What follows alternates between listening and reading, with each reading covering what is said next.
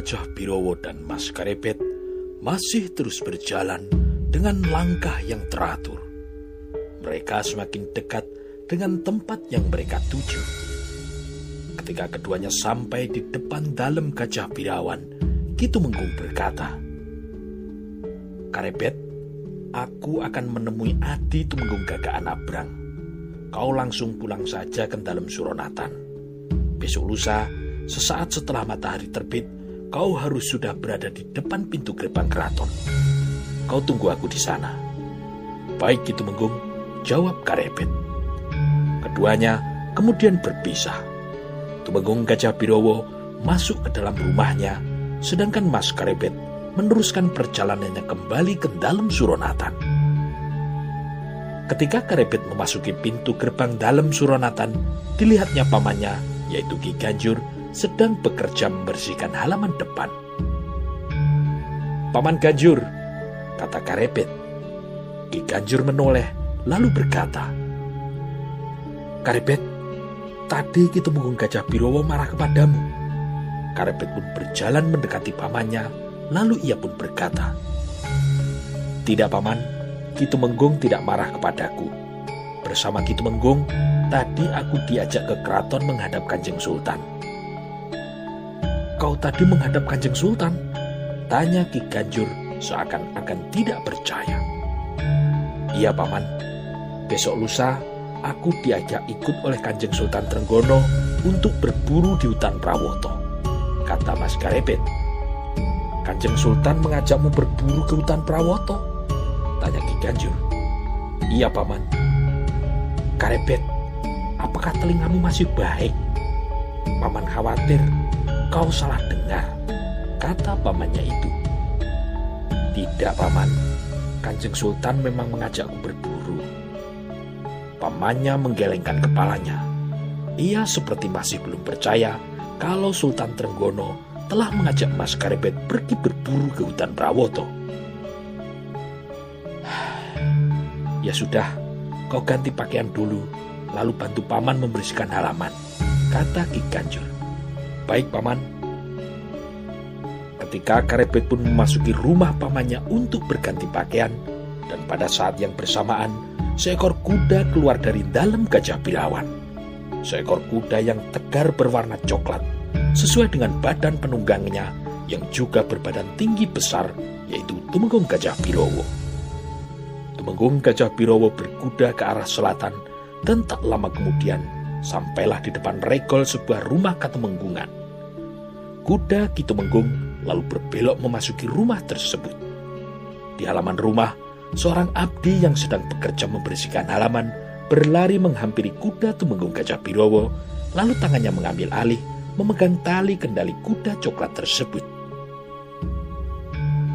Tumenggung Gajah Birowo kemudian turun dari kudanya lalu bertanya, Ki Tumenggung Gagak Anabrang berada di rumah Ki? Ada, Doro Menggung berada di halaman samping. Jawab Abdi Katumenggungan sambil menambatkan kendali kuda pada sebuah tonggak kayu di samping sebatang pohon belimbing. Tumenggung Gajah Birowo lalu berjalan menuju ke samping rumah. Terlihat seorang setengah baya sedang terhanyut menikmati suara burung perkutut. Adi Tumenggung Gagak Anabrang, panggil Tumenggung Gajah Birowo. Orang itu menoleh lalu tersenyum. Monggo Kakang Tumenggung Gajah Birowo, burung perkututku suaranya sudah kung. Mari silahkan, kita ke ruang dalam saja. Keduanya lalu naik ke pendopo. Mereka berjalan menuju ke dalam ruang dalam. Setelah duduk dan mengabarkan keselamatan masing-masing, Tumenggung Gajah Birowo berkata, Adi Tumenggung Gagak Anabrang, aku membawa perintah dari Kanjeng Sultan. Mulailah Tumenggung Gajah Birowo mengutarakan rencana Sultan Trenggono untuk berburu ke hutan Prawoto besok lusa. Baik Kakang Tumenggung, jadi dari pasukan Wirobrojo ada enam orang yang akan berangkat ke hutan Prawoto. Tanya Tumenggung Gagak Anabrang. Betul Adi Tumenggung, ditambah seorang yang menjadi pemimpin prajurit Wirobrojo jadi tujuh orang. Kalau begitu, besok yang akan berangkat adalah saya sendiri, ditambah seorang panji, lalu seorang lurah, dan empat orang prajurit. Kata Tumenggung Gagak Anabrang. Baik Adi Tumenggung, besok pagi kita akan persiapkan semuanya. Dan sekarang saya mohon pamit. Kata Tumenggung Gajah Birowo. Monggo silakan Kakang Tumenggung. Kedua orang Tumenggung itu pun kemudian berdiri dan berjalan menuju Regol. Tumenggung Gagak Anabrang mengantar tamunya sampai di Regol. Sesaat kemudian, kuda yang ditunggangi Tumenggung Gajah Birowo telah berlari menuju arah utara. Waktu terus berjalan. Matahari merambat pelan-pelan di kaki langit dan tenggelam di ufuk barat.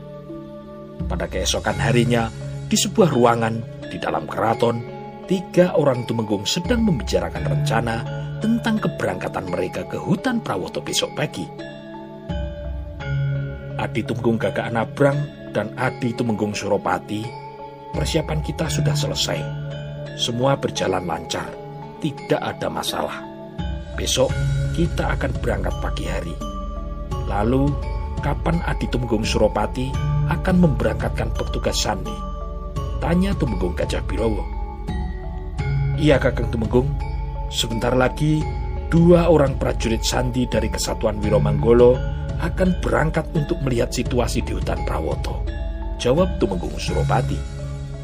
Terima kasih Hadi Tumenggung Suropati. Besok, kalau Kanjeng Sultan berangkat, apakah urusan keraton sudah dibicarakan dengan Ki Patih Wonosalam? Tanya Tumenggung Gajah Birowo. Sudah gitu Tumenggung, jawab Tumenggung Suropati. Baik, Adi Tumenggung Gagak Nabrang, apakah prajurit yang membuat rakit sudah diberangkatkan? Tanya Tumenggung Gajah Birowo. Sudah Kakang Tumenggung, sudah diberangkatkan tadi pagi. Jawab Tumenggung Gagak Nabrang. Lalu, untuk keperluan tenda dan makanan apa sudah diberangkatkan? Tanya Tumenggung Gajah Birowo lagi. Sudah Kakang Tumenggung, bersama dengan prajurit yang berangkat tadi pagi, kita berangkatkan tiga ekor kuda yang membawa beban. Jawab Tumenggung Gagak Anabrang. Baiklah, pembicaraan kita sampai sekian. Besok pagi kita bertemu lagi di sini. Kata Tumenggung Gajah Birowo.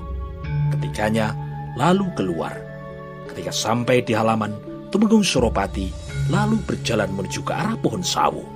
Ia menemui dua orang prajurit berpakaian petani. Kalian boleh berangkat. Kau bawa beberapa panah sendaren, kata Tumenggung Suropati. Ya gitu Tumenggung, kami bawa panah sendaren. Kami mohon pamit, kami akan berangkat sekarang, kata salah seorang petani itu. Tidak lama kemudian, dua ekor kuda yang ditunggangi oleh dua orang berpakaian petani yang membawa beberapa panah sendaren keluar dari pintu gerbang keraton menuju ke arah timur ke arah hutan Prawoto.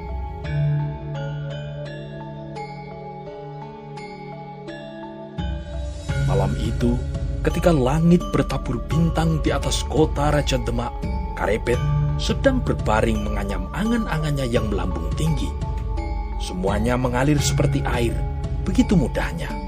Dia sendiri pun tidak menyangka besok pagi dia akan diajak Sultan Trenggono untuk berburu di hutan Prawoto.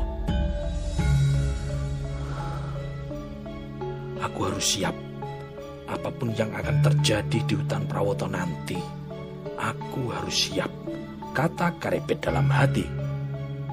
Malam telah larut, yang terdengar hanyalah suara binatang malam dan suara nafas karepet yang teratur tenggelam di alam mimpi. Esok paginya, semburat merah terlihat di Brangwetan ketika karepet sedang berpamitan dengan pamannya yaitu Ki Ganjur. Hati-hati, Ngger Karepet. Kali ini kau pergi bersama dengan seorang raja yang dikawal oleh belasan prajurit Wirotamtomo Jaga dirimu baik-baik.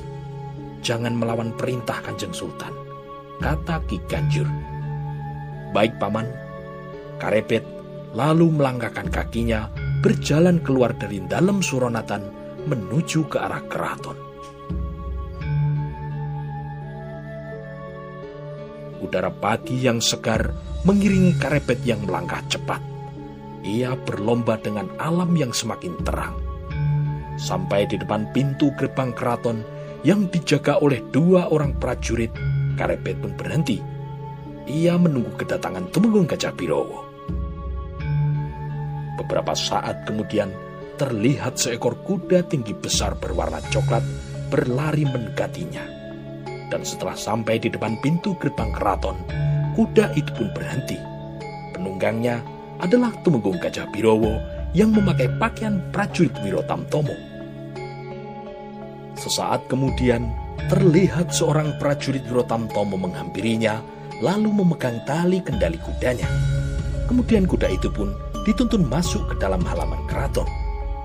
Tumenggung Gajah Birowo beserta Karebet kemudian berjalan memasuki halaman keraton dan ternyata di sana telah menunggu Tumenggung Gagak Anabrang yang juga memakai pakaian prajurit Wirobrojo dan Tumenggung Suropati yang juga memakai pakaian prajurit Wiromanggolo.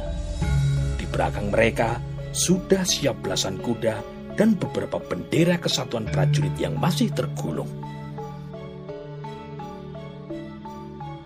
Adi Tumenggung Suropati? Ya Kakang Tumenggung, prajurit perintis sudah bisa diberangkatkan sekarang, kata Tumenggung Gajah Birowo. Baik Kakang Tumenggung, kata Tumenggung Suropati, lalu ia melambaikan tangannya. Sejenak kemudian, dua ekor kuda berpenumpang dua orang petani yang membawa pedang pendek, panah sendaren, dan juga panah api, berjalan keluar dari pintu gerbang keraton menuju ke arah timur. Itulah dua orang prajurit perintis Wiro Manggolo. Mereka berangkat lebih awal. Mereka berkuda beberapa ratus langkah di depan rombongan Kanjeng Sultan. Mereka bertugas memastikan jalan yang dilalui aman. Tumenggung Gajah Birowo kemudian memanggil Karebet dengan isyarat tangan. Setelah Karebet mendekat, maka Ki Tumenggung pun berkata,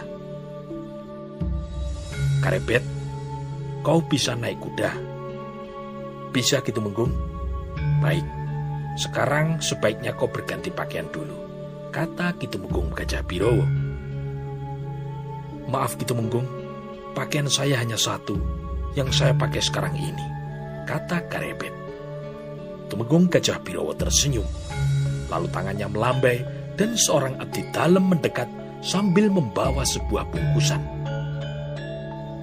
Karebet ini sepengatek pakaian abdi dalam Kesultanan Demak. Pakailah pakaian ini. Kau ganti pakaian dulu di belakang. Kata Kitumunggung Gajah Birowo sambil memberikan sebuah bungkusan kepada Mas Karepet. Terima kasih Kitumunggung. Jawab Karepet sambil menerima bungkusan itu dan ia pun kemudian pergi ke belakang untuk berganti pakaian. Sementara itu, seorang prajurit mengatur letak beberapa kuda ada beberapa kuda yang posisinya masih terlihat miring. Beberapa saat kemudian terlihat karebet yang sudah berpakaian abdi dalam kesultanan berjalan menuju ke tempat Tumenggung Gajah Birowo. Karebet, kau naik kuda yang itu. Kau bersama dua abdi dalam lainnya. Nanti melayani keperluan Kanjeng Sultan dan keperluan lainnya di sepanjang perjalanan. Baik itu Menggung, Tumenggung Gajah Birowo melihat berkeliling. Setelah semuanya siap, tangannya diangkat memberi isyarat. Lalu terdengar sebuah bende ditabuh berkali-kali. Suara bende telah berbunyi, dan tak lama kemudian semua prajurit dan abdi dalam sudah siap di samping kudanya masing-masing. Sekali lagi, Tumenggung Gajah Birowo melihat berkeliling. Dilihatnya, kedua Tumenggung menganggukkan kepalanya. Lalu Tumenggung Gajah Birowo mengangkat tangannya. Maka Tumenggung Gagak Anabrang dan juga Tumenggung Suropati berjalan menuju ke ruang dalam. Sesaat kemudian, terlihat Kanjeng Sultan Trenggono keluar dari ruangan dengan memakai busana kasatrian. Ia diapit oleh Tumenggung Gagak Anabrang dan juga Tumenggung Suropati. Di belakang Sultan Trenggono ada seorang yang membawa songsong kerajaan, yaitu payung kebesaran Kasultanan Demak yang berwarna kuning keemasan. Di sebelah abdi dalam yang membawa payung, berjalan pula seseorang yang sudah berumur setengah baya. Tumenggung Gajah Birowo maju selangkah, kemudian mempersilahkan Kanjeng Sultan untuk naik kuda yang telah dipersiapkan. Sedangkan orang yang berumur setengah baya yang keluar bersama Kanjeng Sultan hanya berdiri saja di samping kuda Kanjeng Sultan. Setelah Kanjeng Sultan berada di punggung kuda, maka terdengarlah suara bende yang ditabuh untuk kedua kalinya. Kini, semua prajurit dan abdi dalam naik ke punggung kuda masing-masing dan siap untuk berangkat. Karebet yang berada di atas kudanya menebarkan pandangan berkeliling. Ia melihat betapa gagahnya para prajurit yang duduk di atas punggung kuda masing-masing. Di depan sendiri, di atas punggung kudanya, Temenggung Gagak Anabrang bertindak sebagai cucuk lampah. Di belakangnya, enam orang prajurit berkuda Wirobrojo. Dua di antaranya membawa bendera kesatuan Wirobrojo dan juga bendera Kesultanan Demak.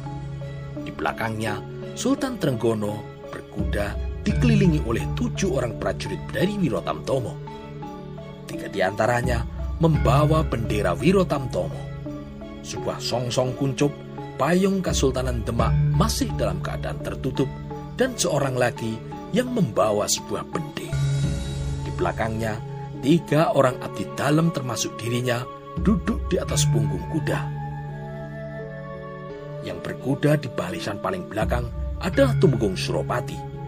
Di sebelahnya adalah seorang prajurit berkuda yang membawa bendera dari kesatuan Wiro Manggolo. Sultan Trenggono berkata pada semua orang yang berdiri di sampingnya, Patih Wonosalam, saya berangkat sekarang.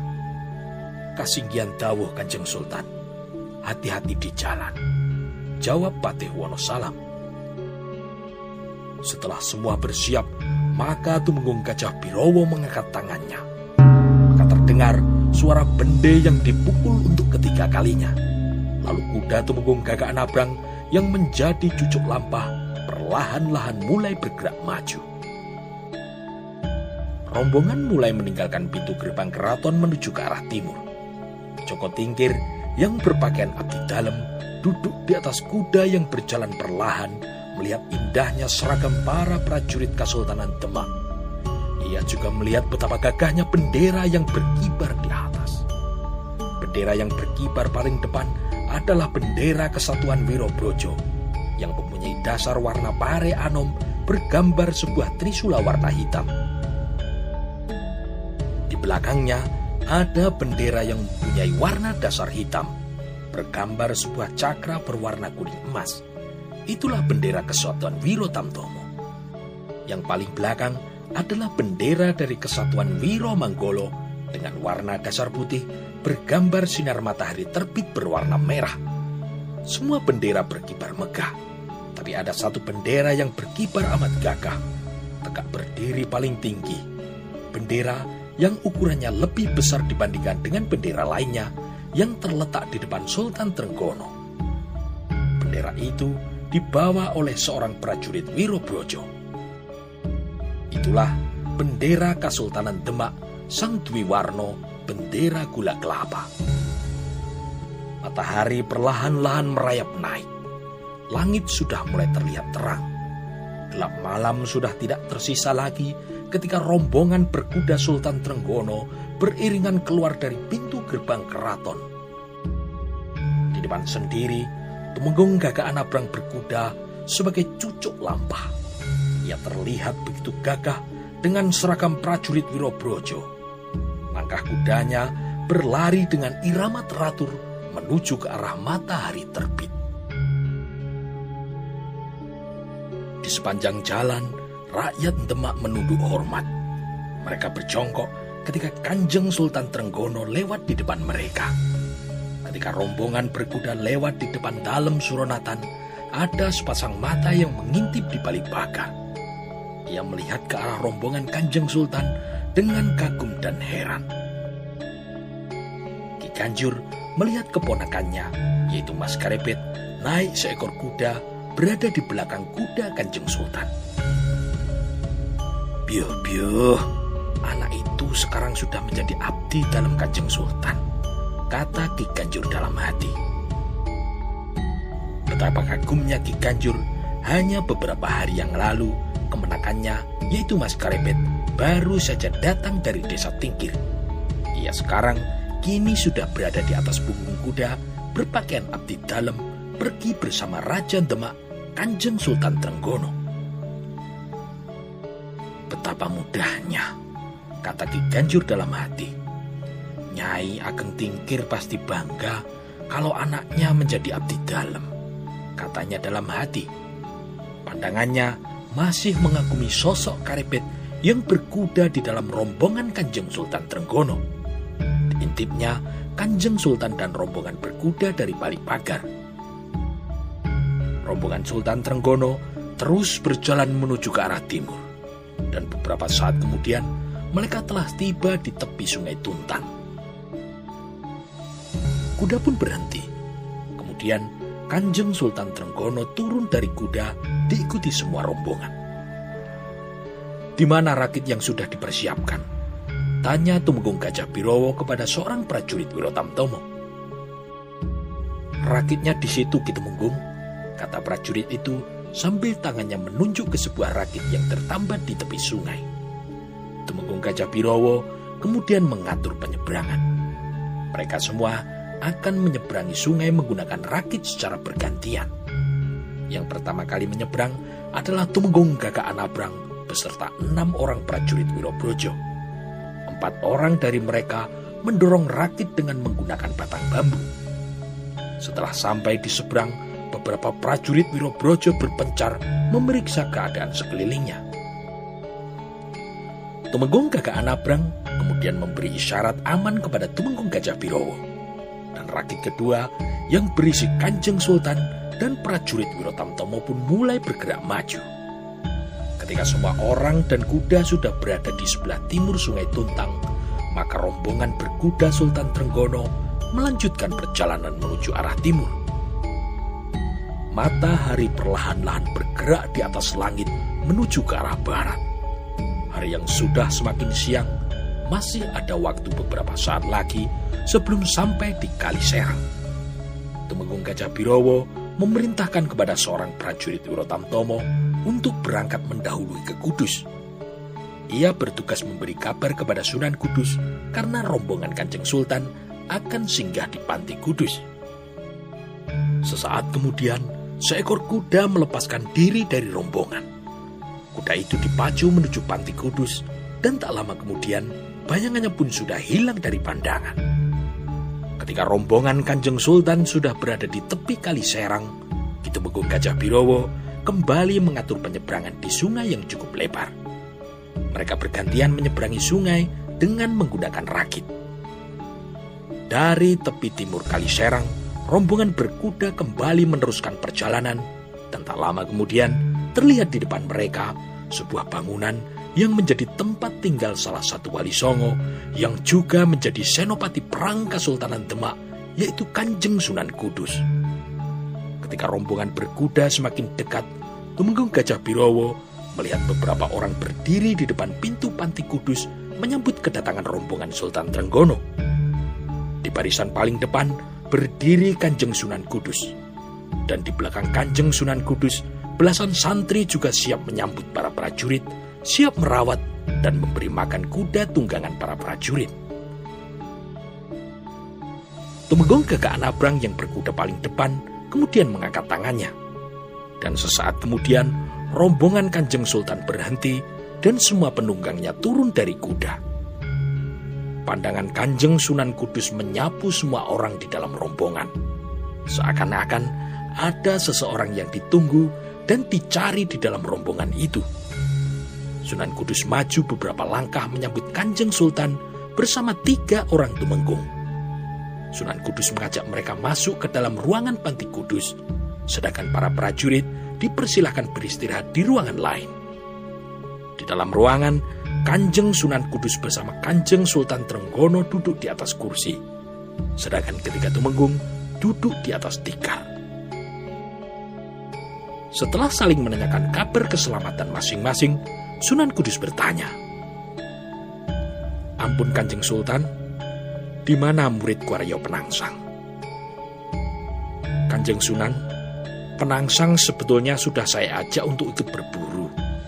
Tapi hari ini kebetulan penangsang akan pergi ke Jipang Panolan, kata Sultan Trenggono. Kemenakan penangsang memang terlalu keras hatinya.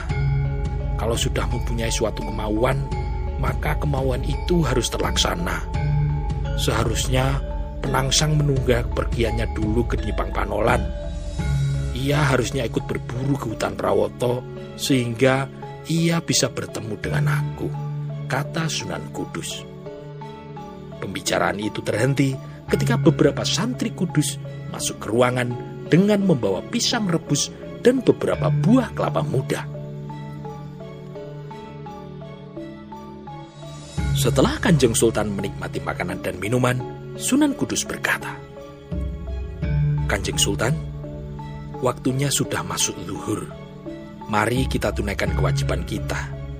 Kita bersama-sama sholat zuhur berjamaah. Baik Kanjeng Sunan, kata Sultan Trenggono. Kanjeng Sunan Kudus bersama Sultan Trenggono keluar ruangan diikuti oleh ketiga tumenggung untuk menunaikan kewajiban sholat zuhur. Kolam dan padasan untuk wudhu ada di sebelah barat, kata Sunan Kudus. Bersama Kanjeng Sultan, Sunan Kudus berjalan menuju kolam serta padasan untuk mengambil air wudhu. Ketika sedang berjalan, Sunan Kudus melihat tiga orang abdi dalam bersama beberapa orang santri sedang memberi makan dan minum kudanya. Ketika abdi dalam itu melihat ke Sunan Kudus yang sedang berjalan menuju padasan, mereka mengangguk hormat. Sunan Kudus pun kembali membalas hormatnya juga dengan menunduk. Ketika pandangan mata Sunan Kudus beradu dengan sorot mata salah seorang abdi dalam yang masih sangat muda, anak muda yang berbadan sedang, berwajah tampan, mempunyai sorot mata yang tajam seperti mata seekor macan kumbang. Siapakah sebenarnya pemuda luar biasa itu? Pandangan matanya bercahaya, kata Sunan Kudus dalam hati.